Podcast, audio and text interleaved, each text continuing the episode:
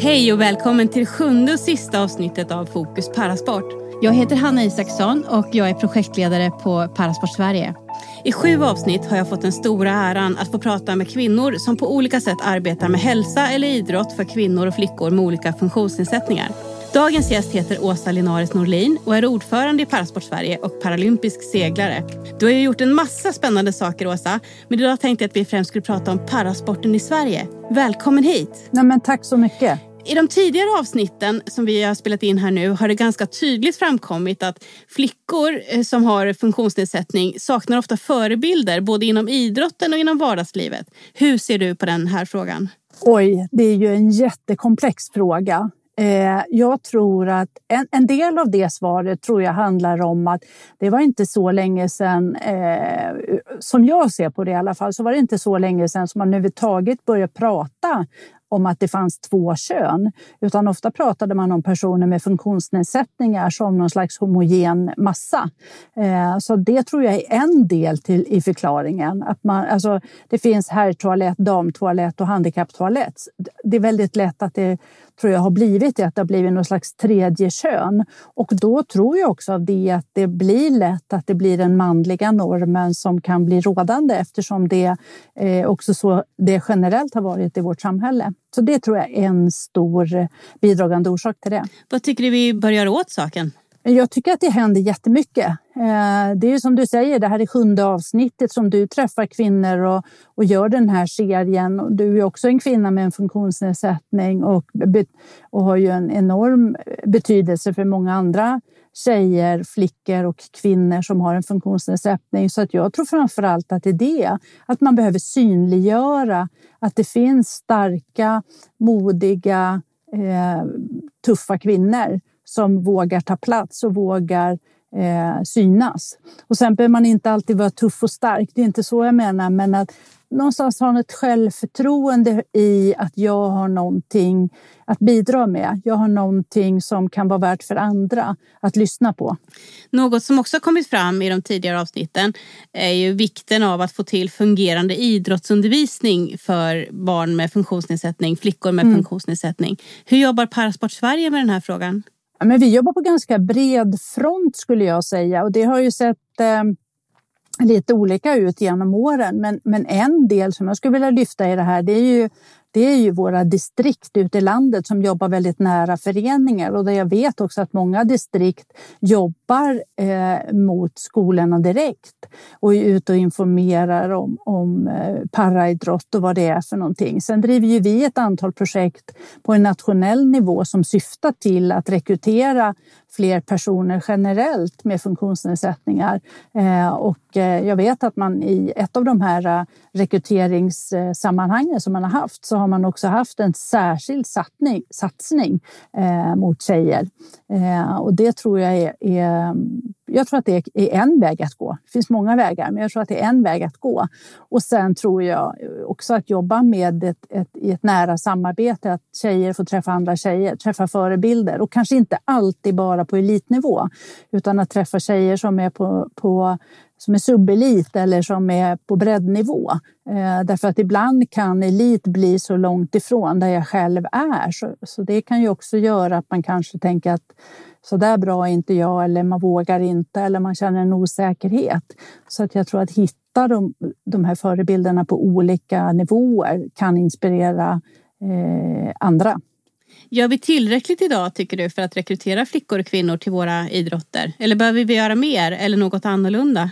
Jag tycker inte att vi gör tillräckligt, eh, utan jag tror att det här är någonting vi måste jobba på hela, hela tiden och fortsätta utveckla idrotten för tjejer och hitta nya vägar. Eh, och en del i det tror jag också att kanske hitta nya spännande idrotter. Jag har en, gör en sån dröm att, att göra ett cheerleadingprogram till exempel för tjejer i, i rullstol eller till och med i elrullstolar eh, där man gör en synkroniserad eh, rörelse i, till musik Eh, jag skulle tycka det var jättehäftigt och jag tror att det finns, det finns målgrupper eh, som vi idag inte riktigt når. kanske då personer med ganska omfattande funktionsnedsättningar och tjejer som jag många gånger tror att vi, vi missar dem. Eh, och det är också därför att vi inte har tillräckligt mycket idrotter som faktiskt går att utföra för den målgruppen. Jag håller med dig att vi behöver bredda utbudet. Eh, jag förstår verkligen vad du menar. Jag tänker ibland när jag håller på och jobbar att det känns lite som att vi har preaching to the choir. Eh, men att vi har svårt att nå ut till de som är inaktiva. Hur ska vi bli bättre på det området? Jag tror en del i det, det är att vi måste börja tidigt. Vi måste träffa de här killarna och tjejerna tidigt i livet. Inte på BB kanske, men nästan. Väldigt, väldigt tidigt börja introducera vikten av fysisk aktivitet, vikten av att hitta sina superkrafter eller vad det nu är för någonting så att man kan få möjlighet att utveckla det man faktiskt kan. Jag kan uppleva ibland att vi lär in en hjälplöshet istället eh, därför att samhället ibland kan stötta att vi har en hjälplöshet inbyggd med olika typer av bidrag och olika typer av, av hjälp.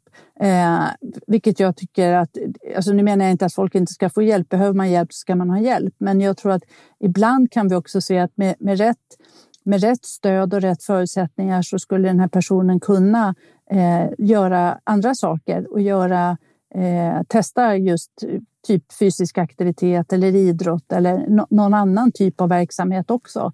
Eh, men det där tappar vi, eh, vi tappar bort det därför att vi, vi, vi kommer inte in tillräckligt tidigt tror jag i verksamheten. När det gäller till exempel personer med ryggmärgsskador så har ju de en uppsökande verksamhet. Om du, om du får en ryggmärgsskada så kommer det dyka upp någon annan med ryggmärgsskada ganska mm. snart på sjukhuset och hälsa på dig och dra in dig i den här rehabiliteringsverksamheten. Jag skulle önska att det fanns något motsvarande för barn med andra och medfödda funktionsnedsättningar också. Mm. Precis. Jag tror att det är, det är precis den vägen man behöver gå. Eh, och jag tror att det, det är klart att det är tuffare att få ett barn. Eh, alltså det är klart att det är tufft också om barn skadas, det är inte så jag menar. Men att, att, att, få ett barn som föds med, med någon typ av, av skada är ju oerhört tufft för familjen såklart.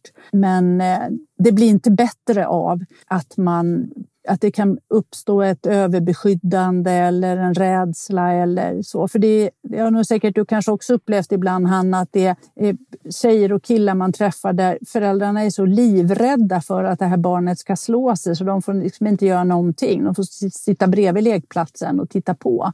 Eh, och, och det tycker jag att man hör många gånger att just den här målgruppen de, de, får inte riktigt utmana sig själva på, på samma sätt som barn utan funktionsnedsättning.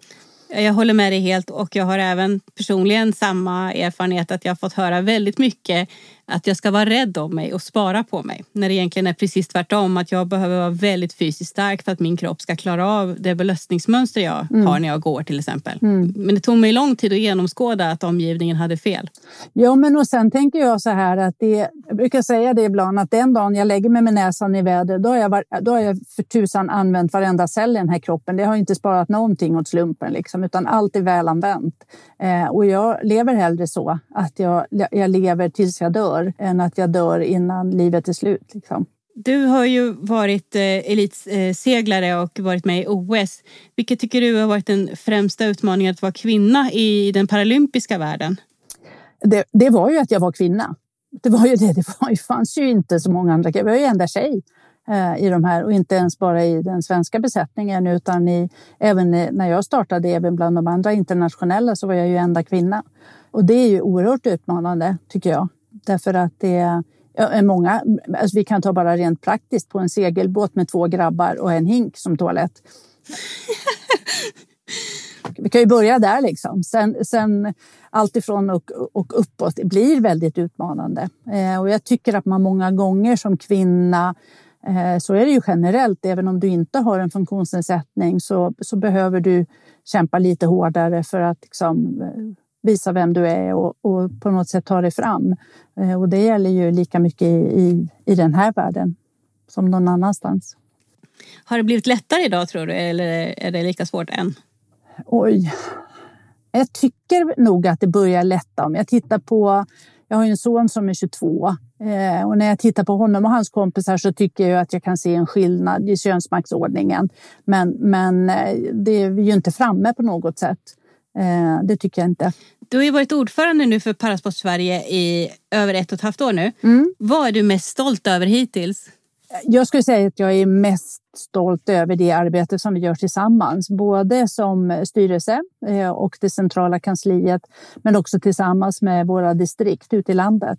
Därför att det är ett gemensamt arbete som vi gör i att utveckla parasporten framåt och vi har eh, väldigt många dialoger tillsammans för att se hur kan vi få mer parasport till fler och att det utvecklas och blir bättre. Så det är en del i det.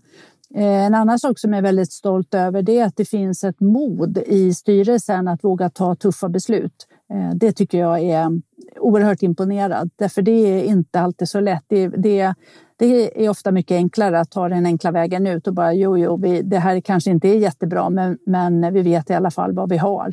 Eh, så att jag tror att det, det är någonting jag kan se. Parasporten är ju inne i en inkluderingsprocess. Eh, för våra nya lyssnare, kan du berätta vad är det och varför gör vi det? Jo, men 2013 så tog vi ett beslut som handlar om att, eh, eh, att vi ska sluta med särlösningar. Att idrotten ska vara där idrotten hör hemma. Eh, och vi nämnde ju tidigare att jag håller på med segling och segling har ju alltid legat under Svenska Seglarförbundet. Det har inte någonsin haft sin hemvist inom, som det då hette, Svenska Handikappidrottsförbundet. Och genom att ta det här beslutet så, så jobbar vi aktivt med att, att lämna idrotter till sitt respektive idrottsförbund. Så att i dagsläget så har vi nu den här senaste, det har gjorts i lite olika omgångar, men i senaste omgången så gjorde vi en, en överflyttning här för ett par år sedan med både simning, bordtennis och nu senast judo. Vad har det här inneburit för de här idrotterna? För den enskilda idrottaren så ty- tror jag inte att det är så stor skillnad. Utan det är nog snarare på förbundsnivå, på den politiska nivån. Det är nog där som det blir en ökad medvetenhet om målgruppen och målgruppens behov. På gott eller ont? Både och tror jag. Men jag brukar ofta säga det, jag är ju född i samband med att neurosedynet kom på 60-talet. Och när neurosedynet kom, det fanns ju ingenting på plats. Det var ju inte ens obligatorisk skolgång då för personer med funktionsnedsättningar. Det fanns inte färdtjänst, fanns inte assistans, fanns liksom... Nej, men det var inte alls mycket som fungerade. Inga fria hjälpmedel till exempel. Och eh, när det här gänget med drygt hundratal barn föddes i Sverige så gick ju det som en murbräcka genom hela samhället och ändrade massa reformer. Så att jag tror att, att parasporten blir en väldigt tydlig inkluderingsdel och blir väldigt märkbart att det här är det här är ett arbete som eh, kan också visa vägen för andra diskrimineringsgrunder. Du säger att du ser parasporten som en murbräcka. Vad kan vi lära de övriga diskrimineringsgrunderna tror du? Nej, inte alls. Jag tror att det, det, blir, en, eh, det blir så märkbart. Det kanske inte alltid syns på en person vilken religiös tillhörighet man har eller vilken könstillhörighet man har eller så. Men jag var på något seminarium en gång och så kom det in en kvinna och hon var så här, hon var klädd som att hon skulle gå på afterski på något vis. Hela, hon, hela hennes uppenbarelse var så tydlig. Liksom. Och då frågade jag henne så här, vilket förbund kommer du ifrån? Jag kommer från skidförbundet, sa hon. Och jag bara, jo men det syns ju jättetydligt. Och du då, som, var kommer du ifrån? Parasportförbundet, så det syns det också. så att jag tror att det, det, det jag tror att det, det är så. Det, det, är väldigt tydligt om man är en parasportare. Vad det nu är. Det är ju, ingen, det är ju inte heller en homogen grupp på något sätt. Det är ju inte ens en idrott. Det är ju bara ett samlingsnamn för personer som, som håller på med idrott och har en funktionsnedsättning egentligen. Sen är man ju seglare eller basketbollspelare eller simmare eller vad man nu är för någonting.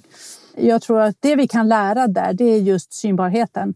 Och jag tror att den stora utmaningen i det här, det är ju snarare att man, tycker jag ibland på något sätt upplevs att personer med funktionsnedsättning, det är som att institutionerna finns kvar. Man ibland glömmer bort att jag bor och lever och verkar precis som vem som helst annan. Man, man behandlas ibland som att man bor på en institution. Liksom. När man behöver skaffa ett intyg så är det, men du kan väl gå till din läkare. Som att jag har en hemma i garderoben som jag bara kan gå och fråga om någonting. Så, så tror jag det är ibland. Så jag tror att bara synligheten att, eh, och att vi, vi förväntas att ha samma eh, rättigheter men också samma skyldigheter som vem som helst annan. Vilka vilka utmaningar ser du för Parasport Sverige de närmsta fem åren? Jag tror att det är den här frågan kring inkludering. Det är den tuffa nyckeln. Liksom. Inte bara för idrotter att ta över parasporten till sig utan också förstå att vi är i grund och botten så är vi människor. Det är det som förenar oss. Det är inte huruvida vi, vilken hudfärg vi har eller sexuell läggning eller hur många armar och ben vi har eller vi ser eller hör. Utan att vi, vi i grund och botten så är vi allihopa små individer med stora drömmar. Det är det som förenar oss. Tack så jättemycket Åsa. Innan vi avslutar för idag, om du fick önska precis vad som helst som fick eh, utvecklingen att bara hoppa ljusår framåt, vad skulle det vara? För parasporten? Ja. Ja, men då skulle det vara... Det, hörde du? Här riktigt idrottssvar. Nej, men... Här, nej, men. Man börjar med nej. Eh, jag skulle önska att det fanns en, ett mod eh, och en förståelse hos våra politiker att satsa på personer med funktionsnedsättningar och fysisk aktivitet och idrott är en investering. Det är en livslång investering. Vi har sett det så många gånger. Vi kan ge hundratals exempel på det. Men vi är ännu inte där idag där det finns de framförallt ekonomiska resurserna för att kunna göra det här arbetet som vi skulle vilja göra. Så det, det är min dröm att få till det. Tack så jättemycket Åsa. Jätteroligt att ha dig här. Tack själv. Tack så jättemycket till alla som har lyssnat. Hoppas att ni har tyckt om vår poddserie. Hoppas att vi ses igen. Tack för oss. Thank you.